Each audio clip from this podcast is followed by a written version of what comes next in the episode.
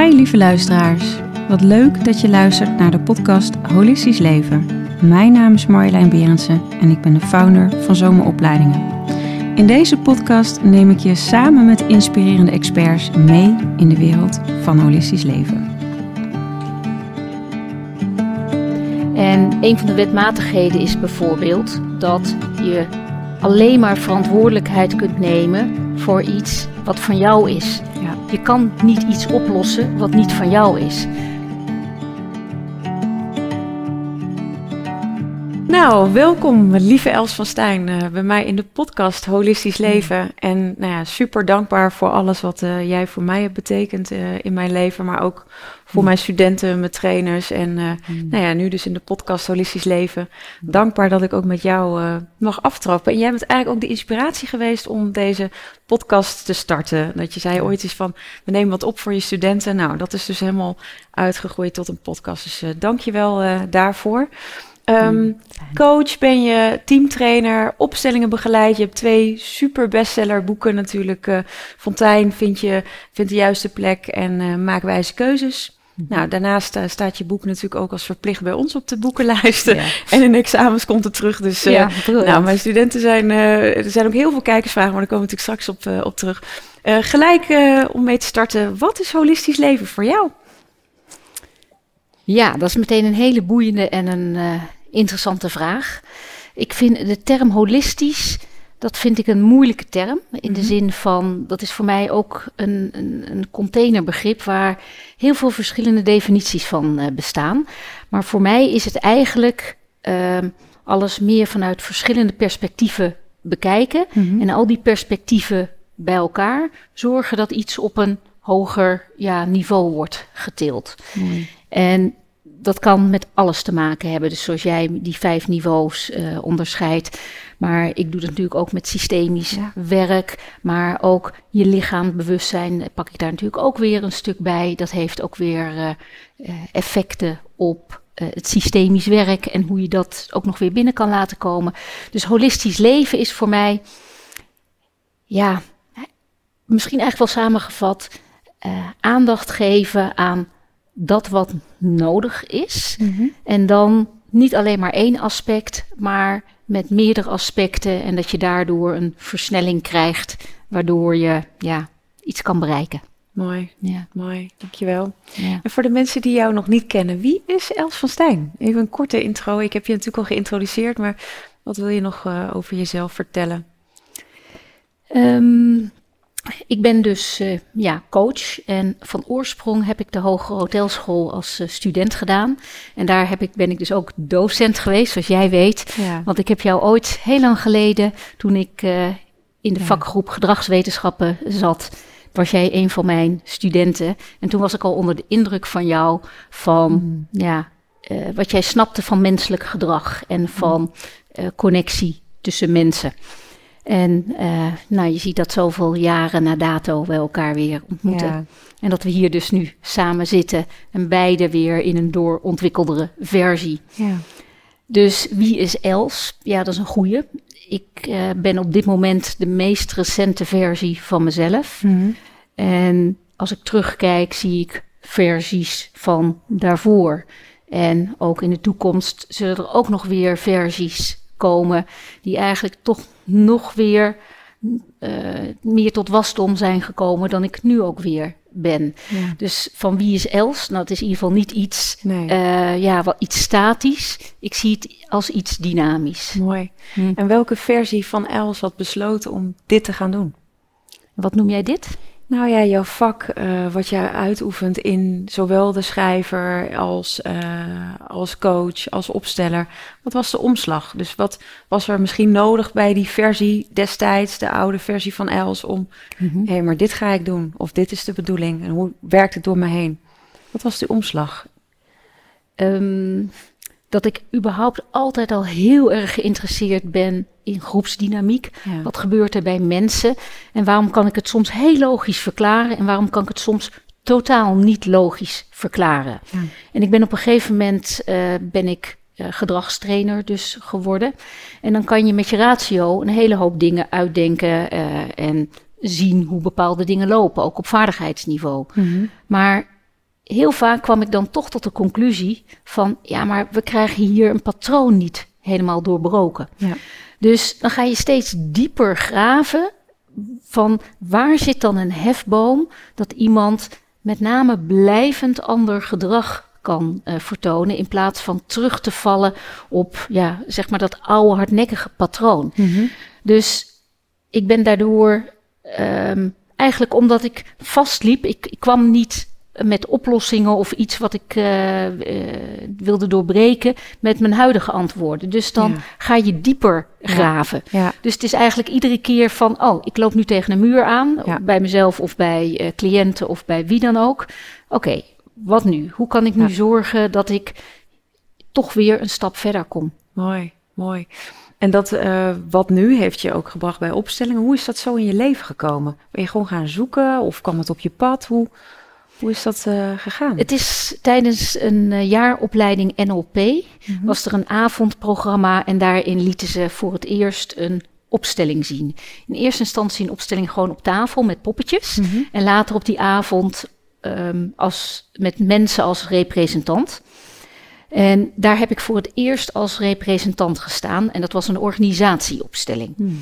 En het was een blinde opstelling, dus dat betekent dat je op een gegeven moment uitgenodigd wordt van. Uh, dan word je innerlijk benoemd. Dus dat betekent dat uh, die begeleider wel weet voor wie jij staat. Mm -hmm. Alleen jij weet zelf nog niet voor wie je staat.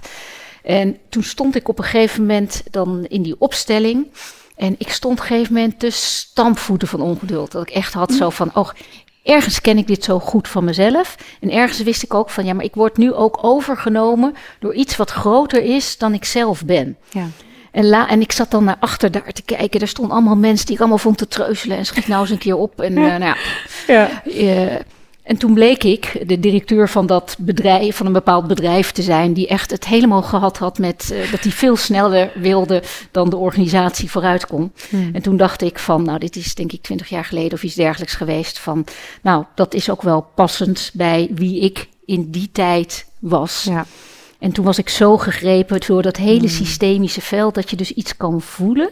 Ja. Wat niet van jou is, want je wordt overgenomen door iets wat groter is dan jijzelf. Maar wat toch ergens iets heel herkenbaars is. Ja. Want anders, en dat weet ik ook ondertussen, krijg je ook geen representantenrol. Nee. Je krijgt eigenlijk altijd een representantenrol die past bij jouw thema's. Of dat je meer begrip gaat krijgen voor iemand in jouw familiesysteem bijvoorbeeld, die zich zo dan zou kunnen voelen, waardoor ja. jij ja, meer je in kan leven in de ander. Ja, heel mooi. Mm. En, en, en vanaf dat moment is dat eigenlijk ja. een soort van vuur aangewakkerd. Ja. En ja, de nodige opleidingen natuurlijk uh, gedaan. Over de hele wereld, overal ja, nergens. Overal, ja. Ja. Ja. geweldig ook hoe dat zo is uitgegroeid. Nee, ik heb veel sessies bij je mogen hebben, ook organisatieopstellingen. Dus ik weet hoe magisch het ook weer, uh, weer doorwerkt. Um, ja, de, de, de magie. Kun, kun je daar iets, iets, iets over vertellen voor mensen die helemaal niks van opstellingen weten? Even back to basics, want ik weet het. En ja. voordat ik uh, straks allemaal mm -hmm. ga invullen, ja. uh, is misschien mooi om even bij de basis te beginnen voor luisteraars. Dus even back to basic. Wat is opstellingen? Wat houdt het in?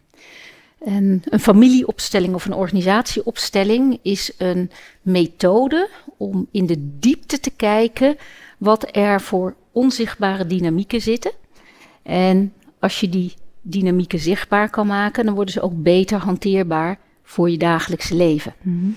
En eigenlijk is, uh, je kan opstellingen doen door middel van uh, ja, glazen. Uh, of met poppetjes, met vloerankers. Maar het meest krachtigst vind ik dat je het met een groep mensen doet. Ja. Dus dan zit je eigenlijk in een grote kring. En dan is zit er naast me een vraaginbrenger die ergens tegenaan loopt. En dan ga ik, uh, nou, dan ga ik vaak nog eens even wat doorvragen naar speciale uh, ja, situaties die misschien hebben plaatsgevonden. En dan ga ik een opstelling beginnen. Mm -hmm. En dan uh, zit hier bijvoorbeeld een dame. Zou jij voor deze dame staan? Zou jij voor de vader willen staan? Zou jij voor de moeder willen staan? Dus dan nodig ik andere mensen uit als representant, die dan ja, iets in, voor haar familiesysteem zichtbaar gaan maken. Mm -hmm. En dan gaan ze zich, op mijn teken, mogen ze zich laten leiden door hun benen. En dan komen ze ergens in de ruimte te staan. En het bijzondere is dat ook al weten zij niets van deze cliënt, want ik hou vaak die voorpraatjes heel erg kort. Ze, ze kunnen gewoon heel veel dingen niet weten. Maar op het moment dat je innerlijk ja zegt tegen zo'n uitnodiging om representant te zijn, dan kom je op een bepaalde manier in verbinding met het familiesysteem van, nou in dit geval deze cliënt. Mhm. En dan weet je gewoon waar je moet gaan staan. En dan merk je van, ik moet daar gaan staan. Of dan merk je opeens dat je been bijna trekt. Of dat je echt niet wil bewegen naar die kant. Want daar staat bijvoorbeeld een, uh, de, de partner die je eigenlijk niet wil zien of iets dergelijks. Ja.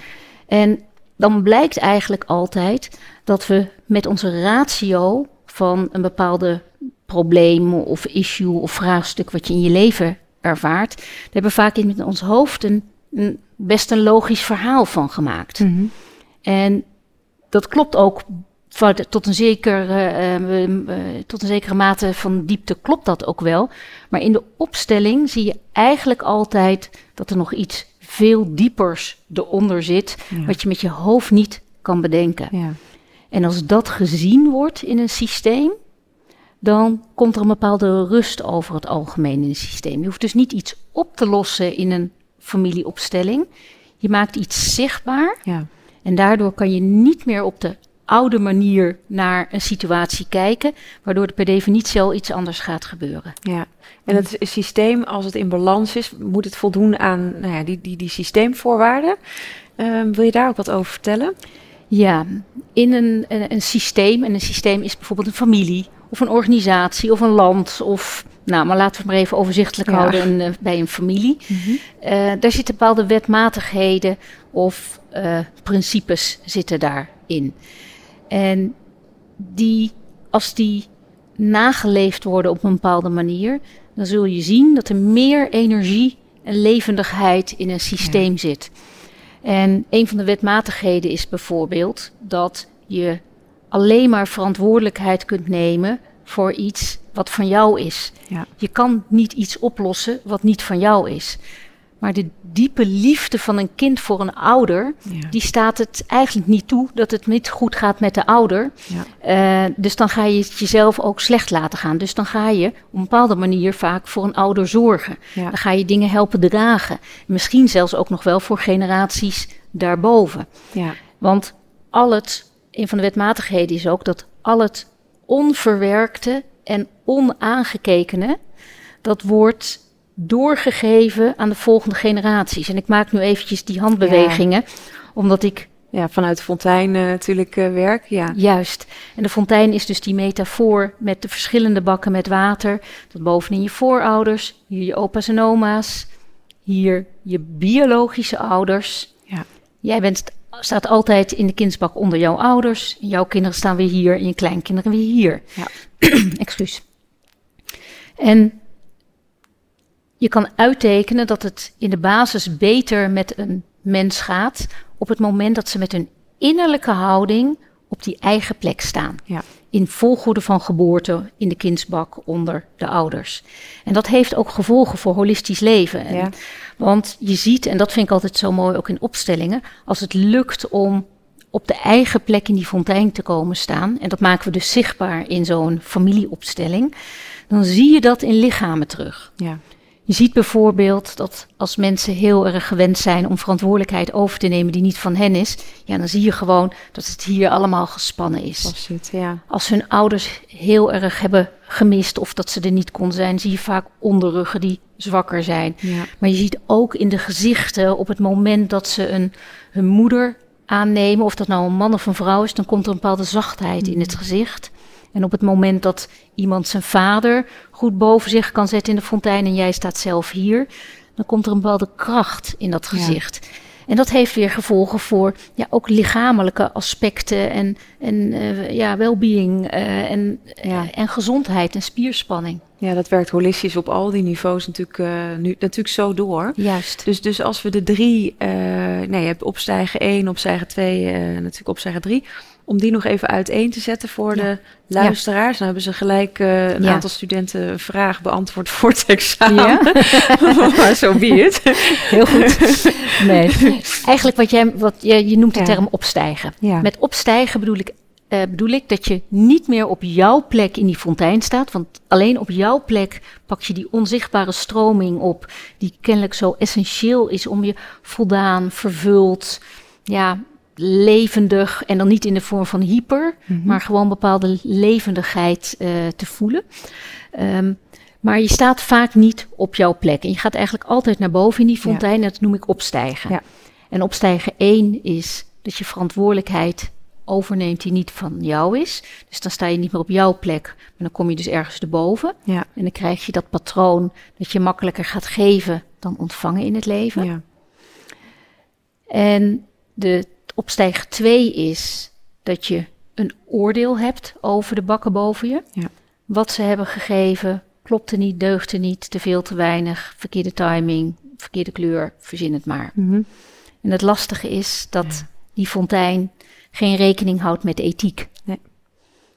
Je kan wel gelijk hebben dat je ouders er soms een potje van maken of steken hebben laten vallen.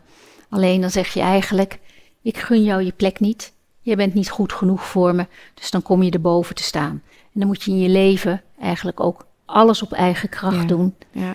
En dan die kritische houding die je dan over je ouders hebt, leg je over de hele wereld heen. En ook met name ook over jezelf. Jezelf, ja. En je gaat dan niet snel tevreden worden. ja. En de derde? Ja, dat is een hele ingewikkelde. Ja, weet ik Eh. ook eh, alles van. Ja, ik ook. ja, precies. Op stijgen 3 is een onbewuste identificatie. En dat betekent dat ehm, in, een, in jouw familiesysteem hoort iedereen die erbij hoort, die moet erbij horen. Dus dat zijn dus ook alle miskramen, alle geaborteerde kinderen, alle halfbroers, halfzussen, alle geschiedenissen waar niet over gesproken kan worden omdat die te pijnlijk zijn, zoals met de oorlog Ja. of eh, seksueel overschrijding, grensoverschrijdingen of, nou, of wat dan ook. Alles hoort erbij. En buitensluiten levert systemisch Ja. altijd gedoe op. En buitensluiten doe je dus bijvoorbeeld omdat je niet weet dat iemand bij je familiesysteem hoort. Maar ook bijvoorbeeld door niet genomen rouw. Je kan Ja. op een gegeven moment, als je iets moet verwerken, doe je dat met je hoofd. Je maakt er een rationeel verhaal van. Nou, dat kunnen de meeste mensen wel. Mhm. Maar deel 2 van de verwerking zit in je lichaam. Ja. In die primair emotionele eh, ja, verwerking. En als die niet is gedaan, dan blijkt eigenlijk dat soms de pijn te groot is dat er iemand is overleden. En dan is er eigenlijk niet voldoende gerouwd. Ja. En rouwen hoeft helemaal niet lang te zijn, maar het moet wel op de ju- ja, wat heet een juiste manier. Maar Ja. je moet zowel ook het rationele, maar ook het lichamelijke aspect daarvan pakken. En als dat niet gebeurt, wordt er iemand buitengesloten. Ja. Ja. En de derde reden waarom iemand buitengesloten wordt in een systeem is omdat je bijvoorbeeld ook denkt van nou, die opa die is wel heel agressief, Ja. is maar even handiger om uit de buurt te blijven. Ja. En dan kan je dus groot gelijk hebben om uit de buurt te blijven. Alleen nu het complexe, en dat is dat over die fontein, daar waakt ook een zogenaamd familiegeweten. Ja. En dat voel je niet en het zit er wel. En dat betekent, of nee, eigenlijk dan laat ik het anders zeggen, dat familiegeweten, dat heeft als doel de hele club bij elkaar te houden. Nou, en dan zie je het, ja, het gedoe wat kan ontstaan. Ja. Dat als aan de ene kant mensen buiten worden gesloten, accepteert dat familiegeweten Het dat niet. Nee. En dan stel dat hier iemand in de fontein wordt buitengesloten.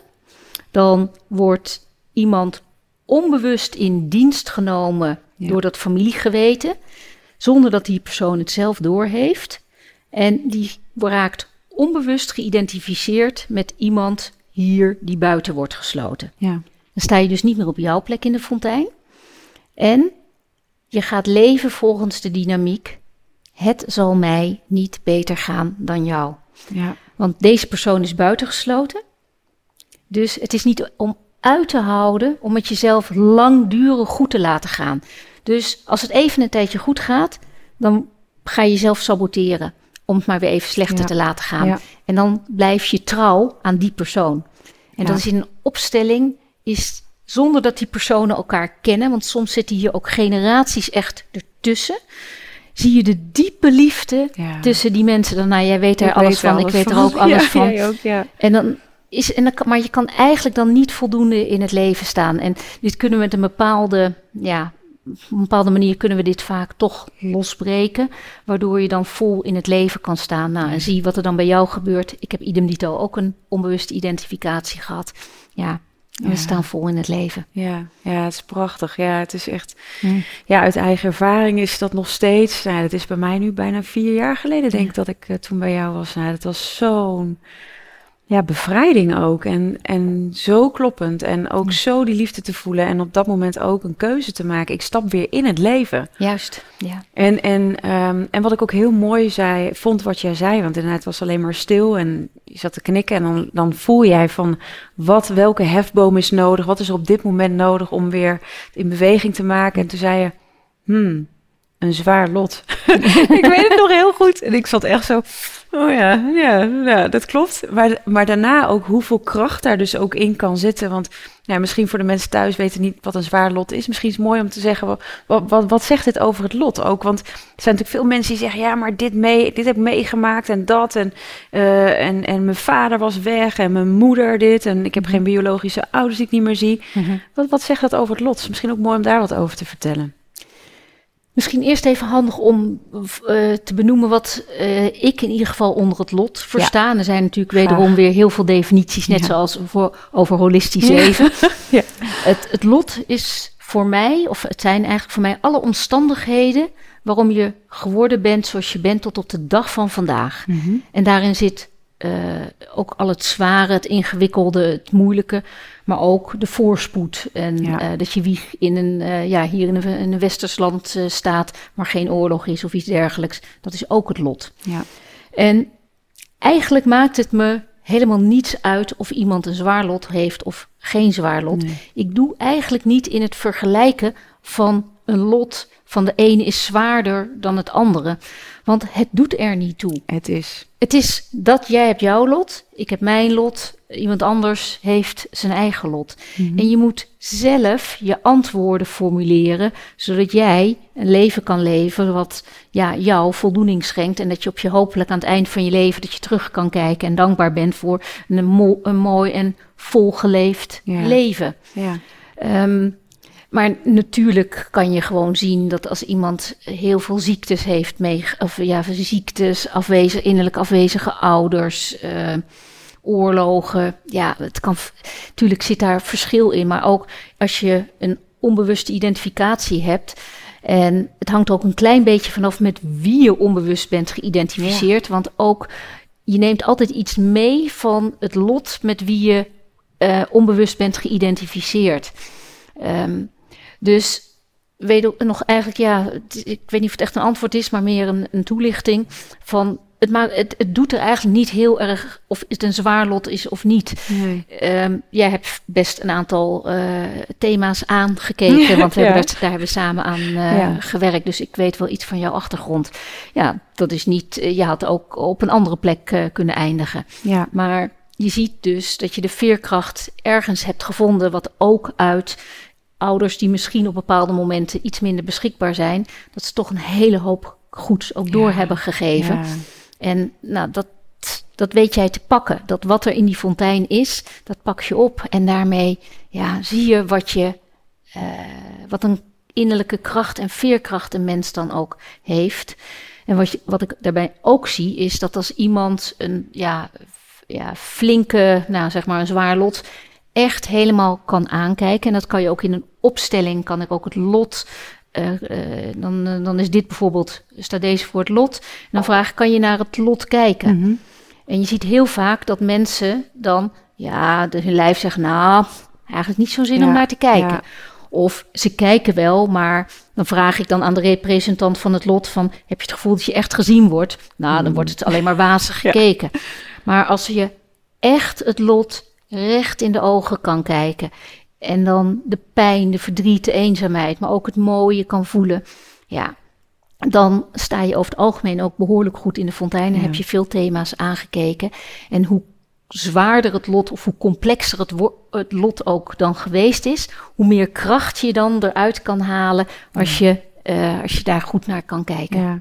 Nou, want dat, dat is als ik zo terugkijk. Het, het, het het geeft zoveel uh, verantwoordelijkheid die je neemt en ook over jouw lot. Ik ga hiervoor staan en dit is wat ik, uh, dit is wat ik te doen heb. En ik heb dit aan te kijken en ook het afdalen, uh, wat het dan oplevert. In eerste instantie voelde ik ook wel weerstand in het systeem. Ja, maar, mm -hmm. maar zoveel verzachting en liefde en kracht als je op de juiste plek staat. En wat je dan, wat het leven aan je doorgeeft en wat je dan kan ontvangen. Nou, dat noem je ook wel. Hè? vanuit de moeder ontvang je het leven en vanuit de vader zit ook je, onder andere je kracht natuurlijk. Maar wat daar allemaal in, in, in, in besloten ligt, dat is echt ja. ja magisch. Uh, ja. ja, heel bijzonder. Um, je had het er straks, daar wou ik ook nog naar vragen. Had je het over, daar hebben wij het ook al eerder over gehad, maar uh, zeker denk ik belangrijk ook voor mensen thuis je noemde daar straks even je naar je primaire emoties kunnen gaan. Hè? Dus niet de secundaire, maar de primaire emoties. Zou je het verschil tussen primair en secundair kunnen uitleggen, maar ook hoe je dat kan doorleven? Dat is uh, ja. denk ik ook een mooie. Ja. Een, een primaire emotie is een emotie die verbonden is aan een gebeurtenis of een pijnlijke situatie of een wond. En dit zijn altijd emoties die kort en heftig zijn en Um, ze maken je schoon van binnen. Dus ze helen je. Dus het woord heel, met holistic, geheel, ja. heel. Uh, dus helen in zijn, in de zin van heel zijn, geheeld zijn. Als je deze emoties kan voelen, dan vindt er als het ware een schoonmaak van binnen plaats. Waardoor de, de verwerking eigenlijk echt plaats gaat vinden. Ja. En deze emoties zijn kort en heftig, vaak maar 10 seconden tot 2 minuten. En daarna zijn er in ieder geval, is er al iets van die scherpe kantjes van die emoties ervan af. Dus deze emoties zijn goed. Alleen heel vaak onder leiding van overlevingsmechanismes kan je die helemaal niet voelen. Nee. Want een overlevingsmechanisme heeft alleen maar als doel jou zo snel mogelijk door die situatie heen loodsen. Ja. Die heeft helemaal niets met verwerken, dat is niet relevant. Je moet die rotsituatie zo snel mogelijk ja, afhandelen. Dus verwerken is niet relevant. Dus primaire emoties. En dan moet je denken, nou eigenlijk van elke emotie zijn zowel primair als secundair. Maar ik moet mm -hmm. misschien eerst even uitleggen wat secundair is. Ja. Een secundaire emotie is een emotie die over een primaire emotie heen gaat. Dus hij dekt een emotie af die eigenlijk te pijnlijk is. Dus het is eigenlijk een soort verdedigingsmechanisme. Mm -hmm.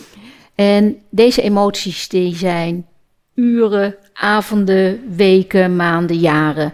Dus mensen die jaren in een burn-out zitten, ja. die zitten gewoon in secundaire emoties vast. Want helaas hebben deze emoties niet het kenmerk dat ze je schoonmaken van binnen. Ze dekken iets af. Ja.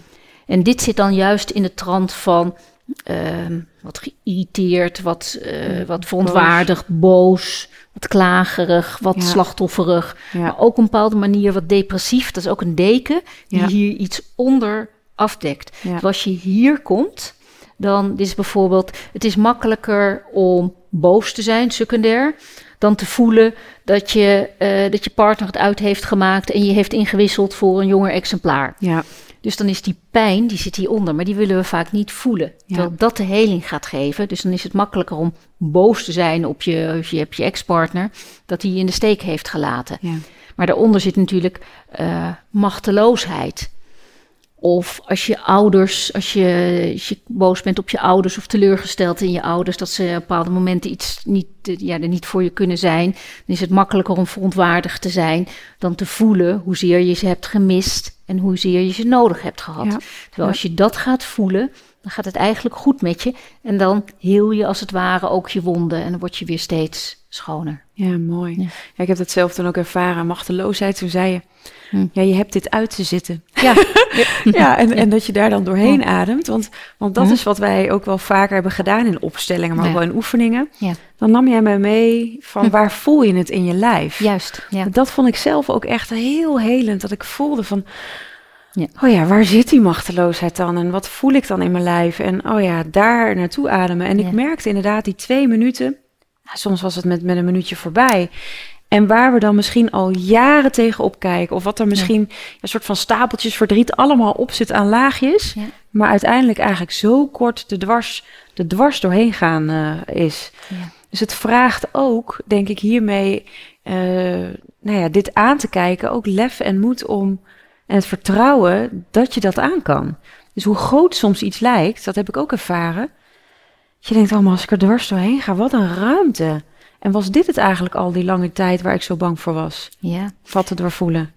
Maar je ziet dat je dus heel veel oude beelden vanuit het verleden, die projecteer je over het nu. Ja. Waardoor je waarnemingsvermogen in het nu dus ook niet meer helemaal helder is. Ja. Dus het nu kan misschien best wel heel veilig en helemaal prima zijn. Ja. Maar het wordt als het ware bevuild door allerlei beelden of allerlei angsten van over de toekomst, die dan ook weer hier overheen gaan. Terwijl als je gewoon puur ehm, ja, die emoties kan voelen, Ja. Ehm, ook niet over na gaan denken, want dan ga je weer naar je hoofd. Ik wil juist dat dat in het lichaam eh, gebeurt. Ja, dan proces je ze. Ja. En zeker de meest recente versie van jezelf, die kan dat vaak prima aan. Ja. Dat kleine meisje of dat kleine jongetje, ja, logisch dat dat niet aankon. Die was gewoon nog niet stevig of rijp genoeg om bepaalde dingen aan te kunnen. Want ondertussen ben je doorgegroeid. Maar soms denk je echt nog dat je in die wereld leeft van toe, van, van, ja, van vroeger, die dan over het nu gaat. Ja. Ja, zo, Ja. zo magisch. Maar inderdaad ook, ook de toekomst. Inderdaad, Ja. de angst voor de toekomst, de Ja. angst voor wat er is. eh, houdt je eigenlijk weg van het nu. Dus ja, voor mij is holistisch leven ook inderdaad zo in het nu zijn. En zo in het moment zijn. En ja, dat betekent ook ja, eigenaarschap nemen, leiding over je leven. En ja, daar de verantwoordelijkheid eh, voor nemen. Ook voor de versie die je nou ja, nu bent. Zekers. En daarbij dus ook je eigen thema's aankijken. Ja. Want we gaan vaak dan, ja, we gaan we allerlei dingen willen we gaan oplossen voor anderen. Maar Ja. dat zijn natuurlijk allemaal prima af, nou, niet prima, Ja, maar dat maar- zijn afleidingsmechanismen om vooral maar niet je eigen lot aan te kijken. Het is makkelijker dan om Ja. eh, allerlei andere ja, mensen eh, ja, daar behulpzaam voor te zijn dan je eigen lot aan te kijken. Dus soms verwijt ik mensen wel eens die eh, zichzelf heel verantwoordelijk vinden. Dan zeg ik van, ja, daar ben ik het niet mee eens. Nee, Van, je bent heel goed in staat om verantwoordelijkheid over te nemen die niet van jou is. ja, maar verantwoordelijkheid voor je eigen leven dragen, no way. Oh, maar ja. Ja. Ja. Ja, precies. Dus dat vraagt, ja, Ja. mooi. Hm. Mooi om dat nog echt even Hm. goed toe te lichten, Ja. inderdaad. Want verantwoordelijkheid kunt inderdaad veel groter zien. En voor mij is die heel helder dat het gaat Hm. voor mijn leven. En dat ik dus ook, eh, wat je ook hebt meegemaakt, elk moment kan kiezen. Ja. Ik kijk, durf ik het aan te kijken? Kan ik het Ja. aan? En, en je, je versie van nu, ja, dat zeg je ook zo mooi, die kan alles aan. Juist, ja.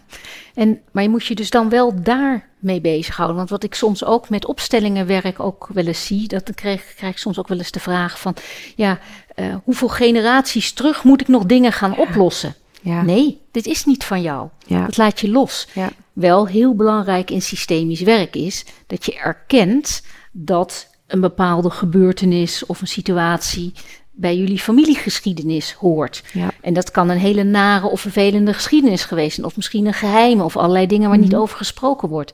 Maar die horen er wel bij. Maar je hoeft het Ja. niet op te lossen. Alleen maar erkennen. En hoe meer je je daarmee bezig wil blijft houden. Als dat niet iets is wat jou echt raakt. Het kan allemaal afleiding zijn. Ja. Je moet je eigen thema's aankijken. En dan kan je pas echt gaan leven. ja, En systemisch werk helpt je dus erbij om jezelf schoon te maken. Dat je eh, de patronen uit je familiesysteem ook niet in het hier en nu gaat herhalen. Ja. Want hoe jij in die onzichtbare fontein staat, die, dat patroon, dat herhaalt zich in je dagelijks leven. ja, Dus dan kan je nog zo goed op allerlei vlakken bezig zijn met gezond eten, met meditatie, met, eh, nou, ja noem, het allemaal. ja. Dat absoluut helpt dat om een, een, een, fijne kwaliteit van leven te hebben. Alleen je zit nog steeds vast in die onzichtbare dynamieken Ja. van dat familiesysteem. En daarom, ook toen straks dat je zei van hoe ben je daar nou aan bego- bij dat familiesysteem terechtgekomen? Omdat ik zag dat het eigenlijk alles wat niet op een andere manier te doorbreken is, eh, dan moet je, moet je dat Ja. daar. Dat is Ja. lijkt eh, ja net Dat de, is wel de, ja. ja, de hefboom, te zijn. ja. Ja. mooi. Nou ja, inderdaad, en het bruggetje te slaan ook naar holistische therapeut, want er zijn ongelooflijk veel vragen van kijkers mm. uh, uh, echt ingestuurd. Echt bizar veel. De, uh, systemisch werk zit voor een klein gedeelte natuurlijk in de opleiding tot holistisch therapeut. Nou, ik, ik noem het al, jouw boeken staan natuurlijk verplichte literatuur. je hebt onze trainers nog een opleidingsdag gegeven. Dus ook daarin merk ik ook zeker voor um, holistisch therapeuten dat het belangrijk is dat ze dit stuk echt aanpakken. Want anders ja, verander die hefboom niet. Dan blijft het hard werken of dan blijf je misschien op anderen gericht, terwijl het echt gaat over eerst jouw stukken natuurlijk uh, uh, aankijken daarin. Um, nou, ik, uh, ik ga gewoon een greep doen. Ik heb dus niet alle vragen mee, want dan had ik er echt wel wel honderd briefjes gehad. Dus ik pak er gewoon een aantal bij. Um, omdat ze ook echt, nou ja, groot fan zijn van, van jou. en noem ik ook de naam er even bij. Het is wel leuk, want dan denkt Mariska, ik weet Mariska, jou, jouw eerste vraag. Um, welke stappen kan ik nemen om meer intimiteit toe te laten naar mijn partner toe? Op systemisch vlak, vraagt ze. Nou, het lastige bij het beantwoorden van dit soort vragen is dat elke situatie is weer anders. Dus je zou echt ook een opstelling moeten doen om te zien hoe iemand ingebonden is. Maar in zijn algemeenheid is het um, hoe jij je innerlijk met je moeder hebt verbonden bepaalt de mate waarin je je met een ander kan verbinden. Ja. Dus als um, stel, uh, nee, misschien dat moet ik toch even uitleggen, een dubbelbeeld. Stel, jij staat nu eventjes voor mijn echtgenoot. Dus jij staat even representant voor ja, mijn man. Zonder dat ik het door heb, staat er achter jou, in ieder geval mijn partner dan, mhm, zeg maar even in dit mhm. geval, staat mijn moeder. Zoals ik mij verbonden heb met mijn moeder, bepaalt mijn maximale vermogen hoe ik me met mijn partner kan verbinden. En hier staat dan mijn moeder. Juist, precies. De moeder van de partner. Ja. En het maakt niet uit of dat homoseksueel, lesbisch of op wat voor, uh, wat voor type relatie dat is. Achter je partner staat je moeder. En als jij in staat bent om je moeder helemaal aan te nemen in de fontein, dus zij kan, je gunt haar helemaal de de plek in de fontein met helemaal wie ze is. En uh, je laat bij haar wat van haar is. En je hebt aangekeken wat van jou is, zowel hier als mhm. ook de lichamelijke verwerking ervan.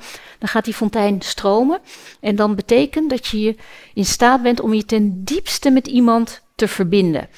Dus als jij op een bepaalde manier niet intiem met een partner kan zijn, dan kan dat te maken hebben met het feit dat jij zelf nog onvoldoende met je moeder verbonden bent. Ja kan ook te maken hebben met een trauma. Als je misschien ooit ergens een trauma op lichamelijk vlak op hebt gelopen.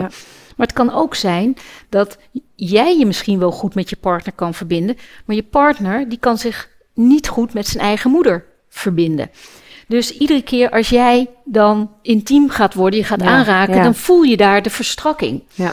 Nou, dan kan je, als je niet goed in jezelf bent geïntegreerd, dan ga je dat allemaal persoonlijk nemen. Want mensen nemen dingen vaak veel te persoonlijk op. Nee, dat is een thema dan van de ander. Ja. Dus hoe intiem kan je dan zijn als de ander daar niet toe in staat is? dus het is nooit helemaal in, ja, aan te geven, het zit hier of hier. Het is altijd een combinatie van uh, meerdere aspecten. Mooi, ja, inderdaad. Ze heeft uh, naar zichzelf te kijken, maar ook de partner naar haar, inderdaad, wat je zegt. En soms is hoe verdrietig dit ook is, soms is liefde dus niet genoeg. Nee, soms is iemand, kan de liefde volledig zijn, maar als iemand niet in staat is om zich te verbinden en jij wel, dan voelt de ene zich overvraagd in de relatie en de andere die voelt zich tekort gedaan. Ja, mooi. Mooi. Nou, Mariska, ik hoop dat je vraag uh, hierbij uh, mm. beantwoord is. Ja. Um, ik heb hier een vraag van een man, Frank. Mhm. Wat is jouw mooiste inzicht over jezelf als gevolg van een familieopstelling? Dat is een leuke vraag en daar heb ik ook echt een antwoord op. Um, systemisch gezien doet het er niet toe of jouw ouder jou ziet. Ja. Het gaat erom dat jij jouw ouder ziet. Mijn vader is op een bepaalde manier ingebonden ook in systemische dynamieken, waardoor hij ook in een opstelling met zijn rug naar mij staat. Hmm. En ik kan roepen wat ik wil, maar hij gaat echt niet ook in de opstelling gaat hij omdraaien. En ook dit heeft zich eigenlijk ook altijd in mijn dagelijks leven ook altijd afgespeeld. Hij kijkt wel, maar ik heb niet het gevoel dat hij mij altijd eh, ja, zag. Ja. Dus ik heb heel, heel, heel lang het gevoel gehad, ik ben niet goed genoeg. Hmm. Want alles wat ik deed, ja, het was nou, ja, het, het raakte niet. Het kwam, ik had nooit het gevoel dat, dat wat ik deed, dat het, hem, ja, dat het bij hem binnenkwam. ja. Ja. En daar ben ik daardoor ook boos op hem geweest. Hmm. Dus ik vertoonde eigenlijk hetzelfde gedrag. Ja. eh, wat, ik, wat ik papa verweet. Jij ziet mij niet, maar eigenlijk zag ik hem dus ook niet. Nee. Totdat ik op een gegeven moment ook een keer als representant in een, eh, in een opstelling stond. Ik werd voor een vaderrol werd ik uitgenodigd. Van Els, wil jij voor de vader staan? Nou, prima. Dus ik ging ergens staan. En ik had het gevoel alsof ik een, ongeveer een meter isolatie zo om me heen had. eh, van, de- van die rollen van het schuimspul, Mhm. zeg maar. En ongeveer nog een meter boven me. En dan hoorde ik in de verte, hoorde ik dan, ik, in, ik, was dan, ik stond als representant voor een vader. En dan Mhm. hoorde ik dan de, eh, de dochter van eh, deze, eh, deze vader, die hoorde ik dan het woord papa uitspreken. En dan voelde ik echt wel iets van energie in die representantenrol van de vader. Maar met geen mogelijkheid kon die Nee. zich omdraaien. En nu terug naar de vraag van Frank was het geloof ik? Ja, wat is Ja? jouw mooiste inzicht? Ja. Toen kwam het eigenlijk het inzicht bij me. Het is geen greintje onwil van mijn Ja. vader dat hij mij niet kan zien. Het is volledige onmacht. Ja. En het heeft niets met mij te maken. Ik ben gewoon helemaal prima zoals ik ben. Ik hoef niet veel aan te veranderen. En tuurlijk moet ik heus wel. Ik, eh, ik ben heel kritisch op mezelf. Maar in de basis ben ik gewoon helemaal in orde. En op dat moment kon ik mijn vader dus helemaal zien. En toen kon ik ook van de package deal ook het mooie van hem zien. Ja. Dus, Mooi, even, even hierop door. Hm. We hebben het vaak over de package deal gehad. Eh, ik weet niet of dat een examenvraag is, maar volgens mij zit daar wel iets in. Kun je nog even kort vertellen, wat is een package deal? ja, de, ieder mens is een package deal. Dus dat betekent dat eh, je al het mooie bent, al het minder mooie. En alles wat je niet kan leveren, wat een ander wellicht verlangt. Ja. En het is niet onderhandelbaar. Je kan niet zeggen van je ouders: ik wil alleen maar dat mooie stukje en dat stukje wil ik niet, hebben. Dat zit er ook. Je mag als mens, als je ouders pijn hebben gedaan, mag je die daad en dergelijke gewoon daar laten. Ja. Maar het maakt wel onderdeel uit van de package deal. Ja, mooi. Mooi ook hoe dat organisatorisch weer in, het- in in het eh, organogram en door dergelijke bedrijfsopstellingen ook weer doorwerkt. Ik vond het ook zo bijzonder om dat te, te merken. Even kijken, ik eh, zit het even te kijken wat voor vragen ik nog meer heb. Er zijn zoveel vragen. Even kijken. Ehm, ja, hier eentje. Dit is iets wat je al even had genoemd, maar wel belangrijk. Ehm, Mariska zegt: Ik had een vriendin aan de telefoon die vroeg zich af hoe het zit met de fontein als je geadopteerd bent. Daar hebben we het natuurlijk al over gehad. Ja. Maar misschien is het wel mooi om daar nog iets over te zeggen, want het is, is natuurlijk een thema wat veel speelt. Ja. Ehm, ja, kun je daar iets over vertellen? Ik doe met een bepaalde regelmaat doe ik eh, adoptieopstellingen. Ja. En als het een, een, een kind die is om een bepaalde gereden afgestaan.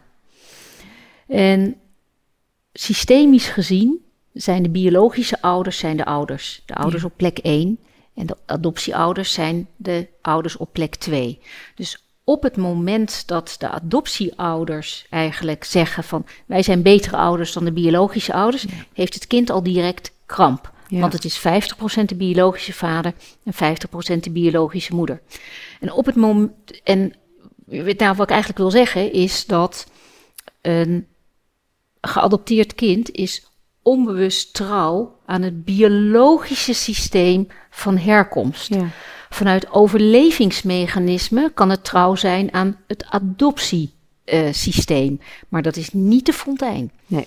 Nee. Dus ze zijn onbewust trouw en alle wetmatigheden van bijvoorbeeld onbewuste identificaties, die gaan eventueel naar het biologische systeem, maar niet naar Ja. het adoptiesysteem.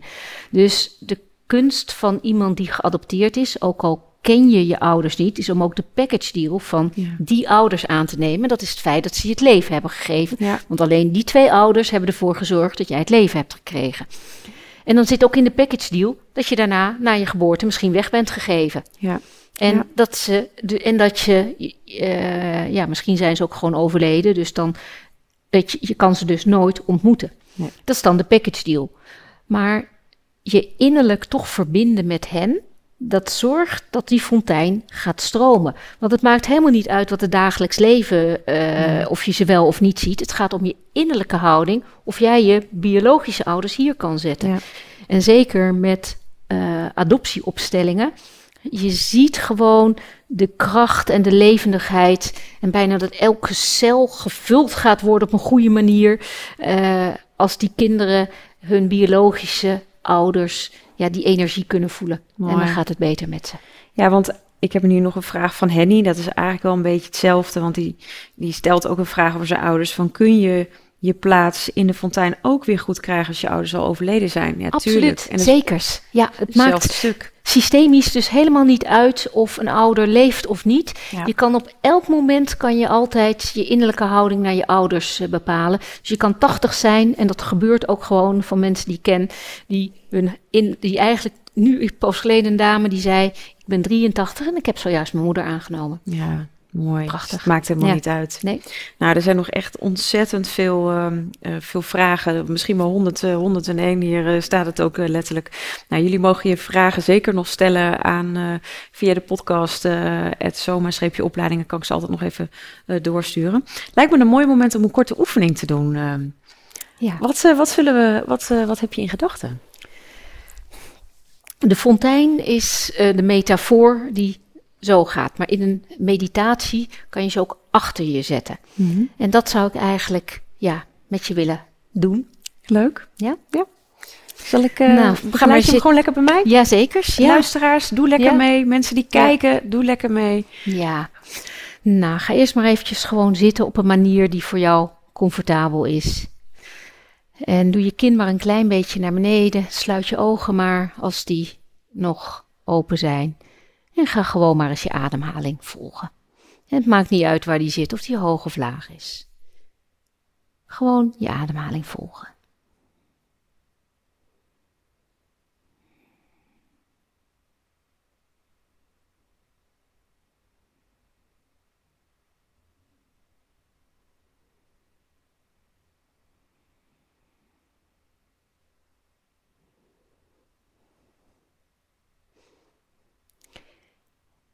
En ieder mens en heeft al ergens een bepaald vraagstuk of thema. En kijk eens of je in je lichaam kan lokaliseren waar jouw thema, jouw vraagstuk of herhalende patroon zich mogelijkerwijze bevindt.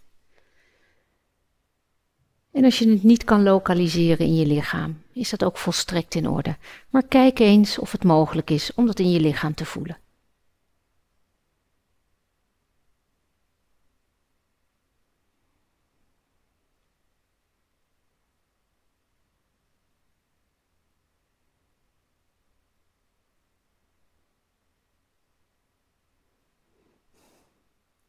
En stel je dan eens voor dat achter je ene schouder je biologische vader komt te staan.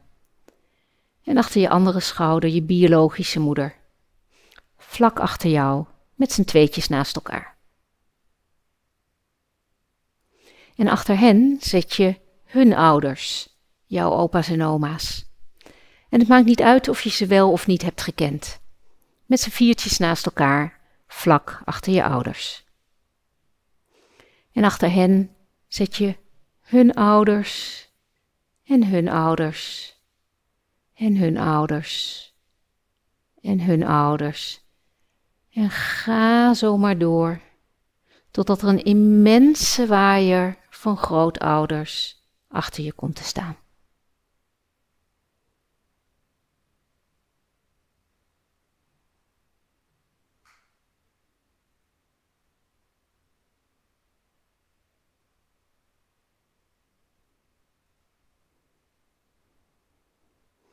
En realiseer je je dan dat als een van hen niet op die plek had gestaan, jij er niet was geweest. Hoe bijzonder is het dat je er bent? En wat een groot geschenk is het leven eigenlijk.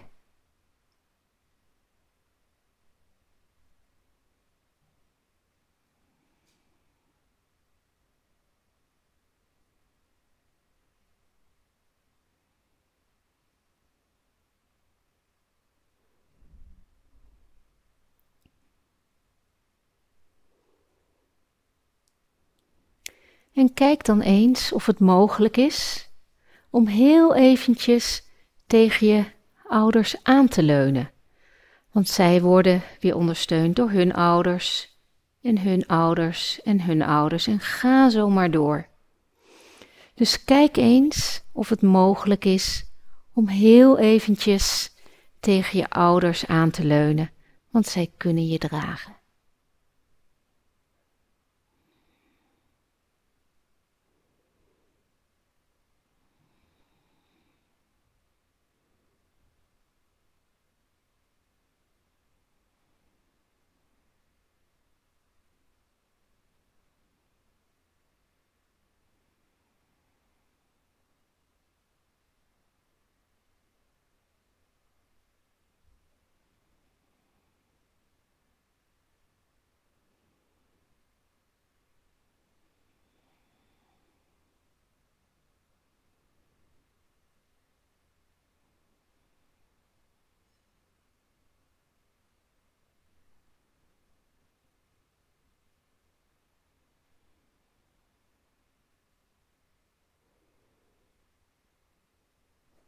En dan ga je weer op je eigen benen staan. En kijk je levenspad maar eens in. En zet een paar passen vooruit, totdat je op zo'n drie à vier meter afstand komt te staan van die grote waaier van grootouders.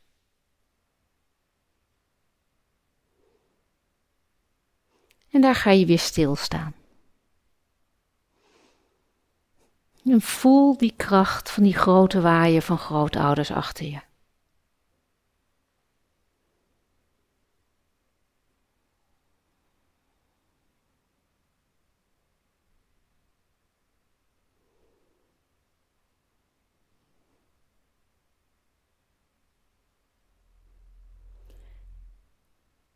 En ga dan met je aandacht weer je lichaam in. En voel nog eens na waar jouw thema, jouw vraagstuk of hardnekkige patroon zich mogelijkerwijze bevindt. Misschien zit het op dezelfde plek als daarnet. Misschien is het verplaatst. Misschien kan je het niet meer voelen. Misschien kan je het nu voelen. En alles is hierbij volstrekt in orde. Dus voel eens hoe je lichaam nu aanvoelt.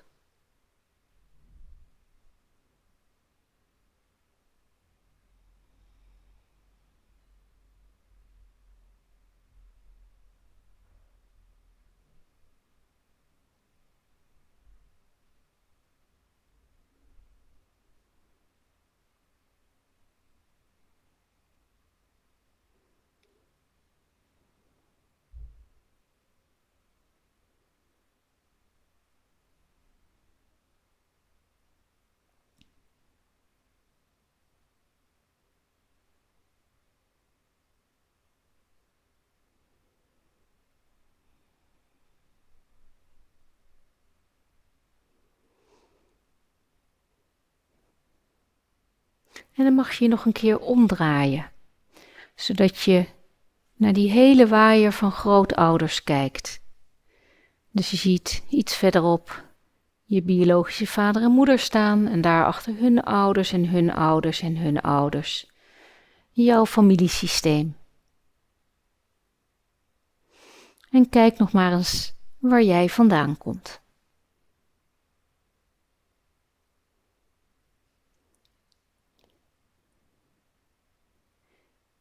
En zie ook de tijdsgeest die waait over zo'n heel familiesysteem. Over de eeuwen heen.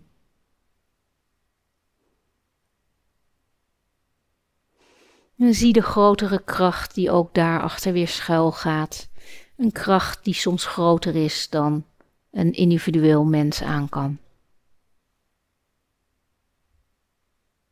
En hier hoor jij bij onlosmakelijk. En maak maar een buiging voor je familiesysteem van herkomst, zo diep als je wil.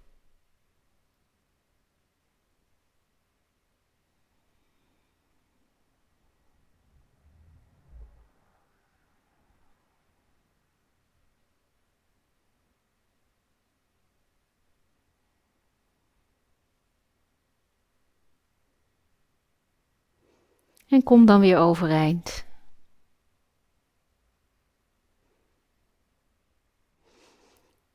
En zet nog maar een stap achteruit jouw levenspad in. Maar dat je wel je familiesysteem kan blijven aankijken. En ga dan weer stilstaan. En spreek dan de volgende woorden innerlijk na. Ik hier, jullie daar, met liefde en respect.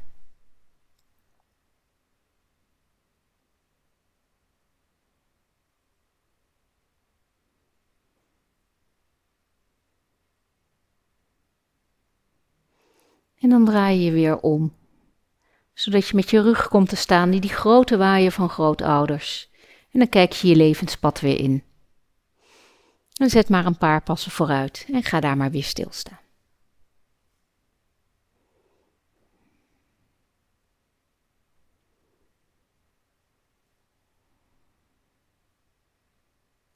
En ga daar je ademhaling maar weer volgen.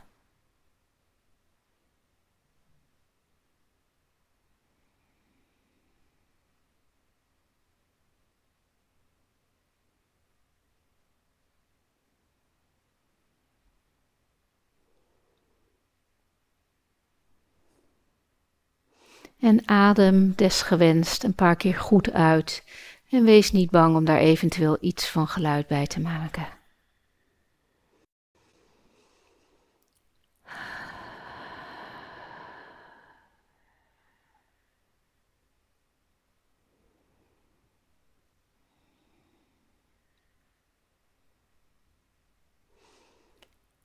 En kom zo dadelijk in alle rust en in je eigen tempo weer met je aandacht in deze ruimte.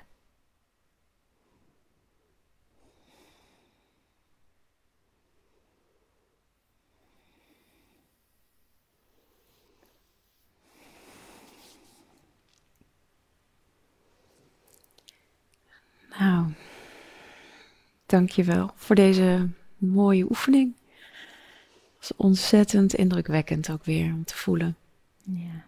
Ja, ben ik heel benieuwd wat de luisteraars uh, thuis hebben ervaren. Dus uh, laat even wat weten onder de socials of stuur wat in. Maar pff, ik voelde, mijn handen zijn echt stroomt echt. Ja, ik voel het zo ook. enorm. Ja. ja. Mm -hmm. Maar ook, ik heb deze natuurlijk wel vaker van jou gedaan. Maar ineens zag ik hoe, jij zei ook over de eeuwen terug, hoe ver dat, die, die lijn, dat je denkt, ja, dat houdt niet op. Het was mm -hmm. zo ik dacht, woem, en toen voelde ik echt die energie zo helemaal doorgaan. Hoe, ja. ja hoe groot dit is. Dat je, ook, dat je dat ook benoemt. Dacht, ja, maar zo groot is het ook. Zo. Het stroomt. Dank je wel. Dank je wel. Mooi. Ja. ja. Mooi.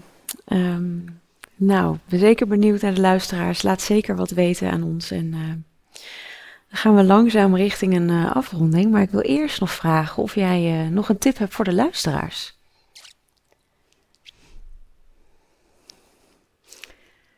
Ja, eigenlijk een stukje navolging van deze oefening.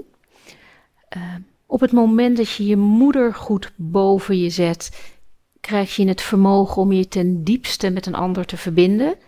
En op het moment dat je je vader goed boven je kan zetten, dan kom je bij je natuurlijke kracht. En dus niet dat je uh, dan enorme behoefte hebt aan gezien en erkend worden, maar je komt bij je gezonde natuurlijke daadkracht uit.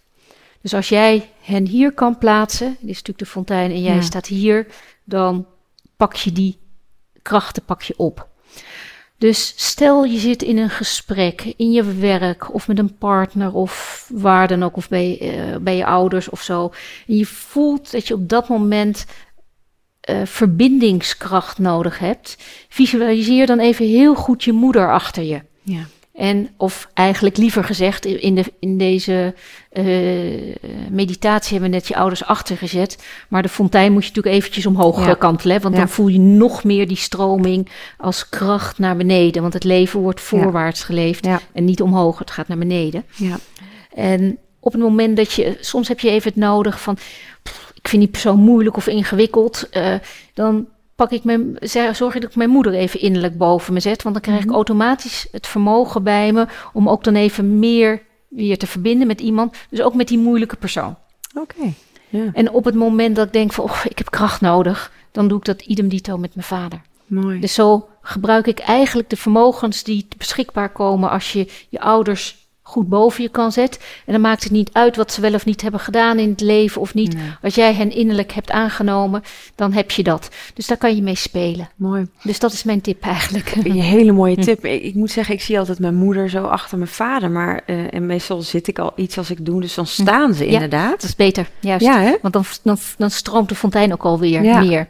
Ja, dus daarom is ook de metafoor van de fontein is ook naar boven. Want dan, ja, het stroomt automatisch naar beneden. Ja, mooi. Ik, ik, ik, heb, ik doe hem ook eigenlijk altijd eventjes voor het slaap gaan. Mhm. En ook als ik opsta, dat ik, uh, dan zit ik een beetje zo ietsjes hoger tegen mijn, tegen mijn bedrand aan. En dan zie ik ze ook zo nog. En zo begin ik eigenlijk de dag ook. Ja, dus ik, ik, vind het wel echt mooi ook. ja, dat je, het is echt, echt ook dat ze staan. En als jij dan zo zit, dan uh, is dat nog beter voelbaar. Inderdaad, die kracht zo. Uh, Klopt. Mooi, mooi. Ja, ontzettend bedankt dat je hier aanwezig wilde zijn. Ik, ja, je bent zo zo'n belangrijk onderdeel ook van mijn leven en alles wat je zo betekent. En nou ja, ook weer voor de hele community. Dus uh, heel erg dankjewel dat je er bent, sowieso bent, maar ook hier in deze podcast en uh, de aftrap met jou mogen doen. Het volgende online event ben jij uh, bij, 1 en 2 oktober niet, maar kom zeker 1 en 2 oktober. En de volgende, nou, dan gaan we puzzelen. Dus heel erg bedankt ook voor de oefening. En ja, nou, en jij bent ook een prachtig voorbeeld van wat, er, wat je tot stand kan brengen als je je lot dus echt helemaal aankijkt en je ouders innerlijk bij je hebt met je innerlijke houding. Mm. Moet je eens kijken hoeveel mensen jij bereikt en die, die dat weer doorgeven. Mm. En als je veel ontvangt, en dat doe je automatisch als je met je innerlijke houding op jouw eigen plek in de fontein gaat staan, dan heb je ook veel om door te geven. En dan is het ook onuitputtelijk, dan loop je niet leeg. Ja, ja mooi, mooi. Ja, en we gaan nog zo, sowieso meer van jou horen, natuurlijk hopelijk met het event, maar ook natuurlijk de online uh, cursus waar je druk mee bezig bent. Die wordt ergens in het najaar gelanceerd. Klopt. Dus ook zeker mensen die luisteren of kijken, echt een fantastische tip. En uh, zeker voor onze community die hier al helemaal mee bezig zijn, ga dat zeker in het najaar mm. lekker volgen. Dus uh, dank je wel. Heel graag gedaan. Dank om hier te mogen zijn. Dankjewel voor het luisteren naar de podcast Holistisch Leven. Holistisch Leven is een prachtige ontdekkingsreis. We reiken je graag de tools en kennis aan om je in deze reis te begeleiden. Ben jij door deze podcast geïnspireerd om de volgende stap richting een holistisch leven te zetten? Kijk dan op onze website www.zoma-opleidingen.nl voor meer informatie over de cursussen en opleidingen die we aanbieden. Je kunt je daar ook inschrijven voor onze nieuwsbrief. En vind je deze podcast leuk? Volg ons dan via je favoriete podcast-app of abonneer je op ons YouTube-kanaal. Zo verspreiden wij samen meer licht, liefde en bewustwording en maken we de wereld een stukje mooier. Tot volgende week!